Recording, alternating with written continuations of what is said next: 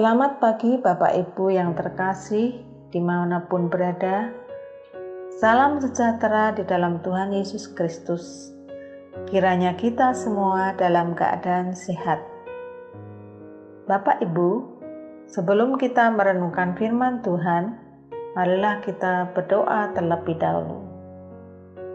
Selamat pagi Bapa yang Maha Kasih, Maha Pemurah, Maha Baik, kami kembali datang ke hadiratmu dengan penuh ucapan syukur atas segala berkat dan anugerah yang Tuhan berikan dalam kehidupan kami sampai saat ini. Ampunilah segala dosa dan kesalahan kami. Rayakan kami untuk pagi hari ini bersama-sama merenungkan firman-Mu. Bukakan hati dan pikiran kami untuk mengerti dan memahami firman-Mu dengan benar. Kami serahkan doa ini ke dalam tangan kasih-Mu. Dalam nama Tuhan Yesus Kristus. Amin.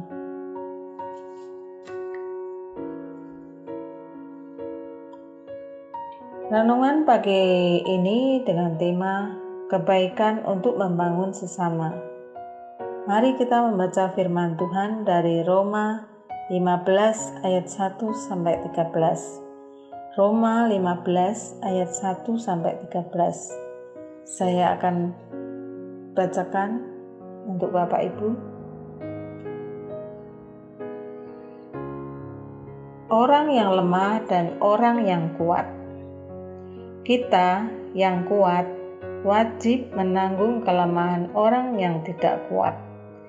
Dan jangan kita mencari kesenangan kita sendiri. Setiap orang di antara kita harus mencari kesenangan sesama kita demi kebaikannya untuk membangunnya. Karena Kristus juga tidak mencari kesenangannya sendiri, tetapi seperti ada tertulis. Kata-kata cercaan mereka yang mencerca engkau telah mengenai aku. Sebab segala sesuatu yang ditulis dahulu telah ditulis untuk menjadi pelajaran bagi kita, supaya kita teguh berpegang pada pengharapan oleh ketekunan dan penghiburan dari Kitab Suci.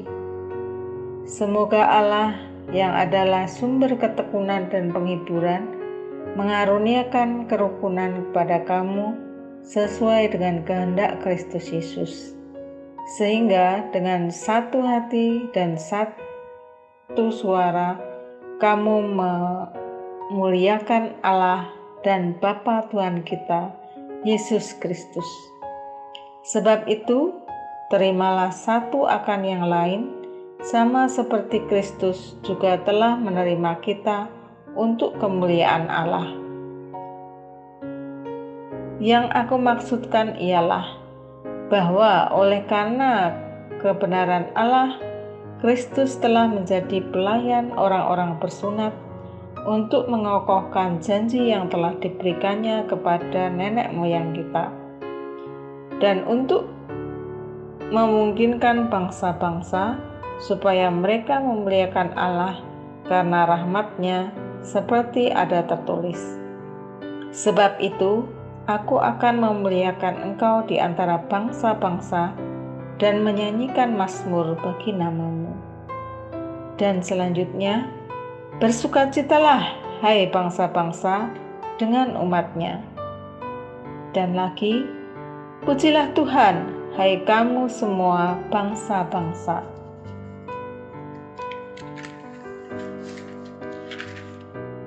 Dan biarlah segala suku bangsa memuji Dia. Dan selanjutnya kata Yesaya, Taruk dari pangkal Isai akan terbit dan ia akan bangkit untuk memerintah bangsa-bangsa dan kepadanya lah bangsa-bangsa akan menaruh harapan. Semoga Allah sumber pengharapan memenuhi kamu dengan segala sukacita dan damai sejahtera dalam iman kamu, supaya oleh kekuatan Roh Kudus kamu berlimpah-limpah dalam pengharapan. Saya akan membacakan kembali di dalam Roma 15 ayat 2 Setiap orang di antara kita harus mencari kesenangan sesama kita demi kebaikannya untuk membangunnya. Arti kata kebaikan menurut KBBI adalah sifat baik, perbuatan baik, Sifat manusia yang dianggap baik menurut sistem norma dan pandangan umum yang berlaku. Kebaikan atau kemurahan dalam Galatia 5 ayat 22 sampai 23 adalah termasuk dalam buah roh.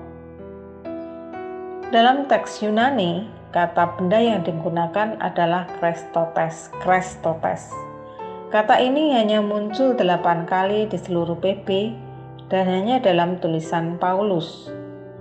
Kata Krestotes atau Kristos sering kali menunjuk pada kebaikan Allah di dalam Kristus Yesus.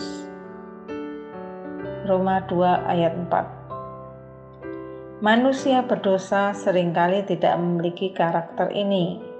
Roma 3 ayat 12 Sebaliknya, Orang-orang yang sudah menerima kebaikan Allah dinasehati untuk menunjukkan kebaikan kepada orang lain. 2 Korintus 6 ayat 6 Sedangkan menurut William Watt, penulis berbagai artikel dan puisi, pernah berkata, ada tiga kunci menuju kehidupan yang lebih berlimpah, yaitu yang pertama, adalah mem memedulikan orang lain. Yang kedua, memberi dorongan kepada orang lain. Yang ketiga, berbagi dengan orang lain. Ketiganya melibatkan orang lain atau sesama. Apa yang dikatakan Word adalah gaya hidup yang seharusnya dimiliki oleh orang Kristiani yaitu mengutamakan orang lain dan membuat mereka memiliki keadaan yang lebih baik setelah bertemu dengan kita. Bapak Ibu firman Tuhan hari ini mengingatkan kita untuk memperhatikan sesama atau orang lain. Yang kuat wajib menanggung yang lemah. Pada ayat 1, di dalam Roma 15 tadi selalu mem, selalu memberikan perhatian pada orang lain akan membuat hidup kita lebih berarti. Dan yang terpenting, Allah akan dimuliakan melalui hidup kita. Roma 5 ayat 6 sampai 9. Jadi, jika ternyata kita meninggalkan seseorang dalam keadaan yang sama seperti saat kita menemuinya, berarti kita perlu berintrospeksi. Jangan-jangan selama ini kita hanya berpusat pada diri sendiri dan mengabaikan sesama. Ini salah satu hal yang membuat hidup kita tidak memuliakan Allah. Bapak Ibu, Ingatlah bahwa kita tidak akan pernah mencapai kehidupan yang memuliakan Tuhan sebelum kita melakukan hal berarti bagi orang lain.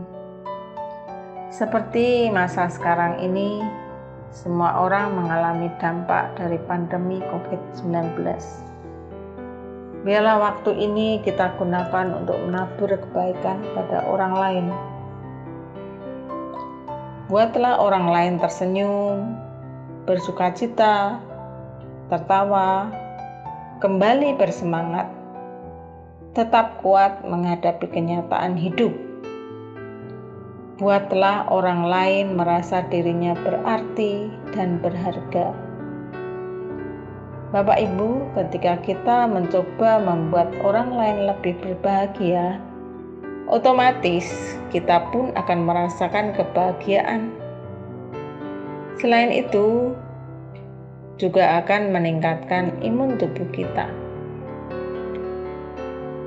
Jika kita mau lebih sedikit peka, kita tidak akan melewatkan setiap kesempatan untuk membuat orang lain merasa lebih baik saat bertemu dengan kita.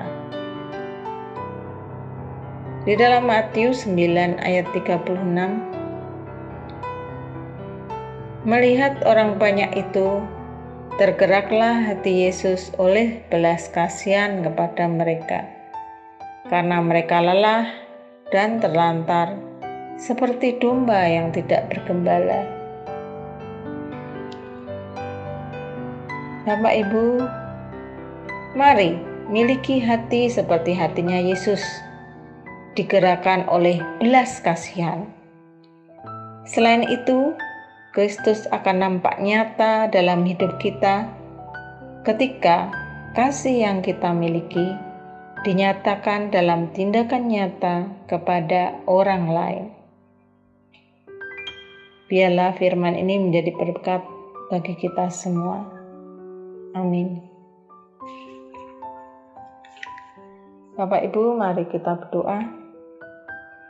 Bapa yang Maha Baik, terima kasih untuk firman hari ini yang mengingatkan kami supaya kami berbuat kebaikan pada sesama kami. Memang tidak mudah bagi kami untuk melakukannya, tetapi hanya dengan pertolongan roh kudusmu saja kami dimampukan untuk memuliakan namamu. Biarlah kami juga dapat berbagi kasih dengan sesama kami. Dan pada saat ini kami berdoa supaya pandemi ini cepat berlalu dan kami dapat bersekutu bersama seperti semula. Pimpin dan sertai dalam setiap aktivitas kami hari ini. Berkatilah kami ya Tuhan, dan biarlah kami juga dapat menjadi berkat buat sesama kami. Kami serahkan doa ini ke dalam kehendak dan sanamu saja. Dalam nama Tuhan Yesus Kristus, kami sudah berdoa. Amin.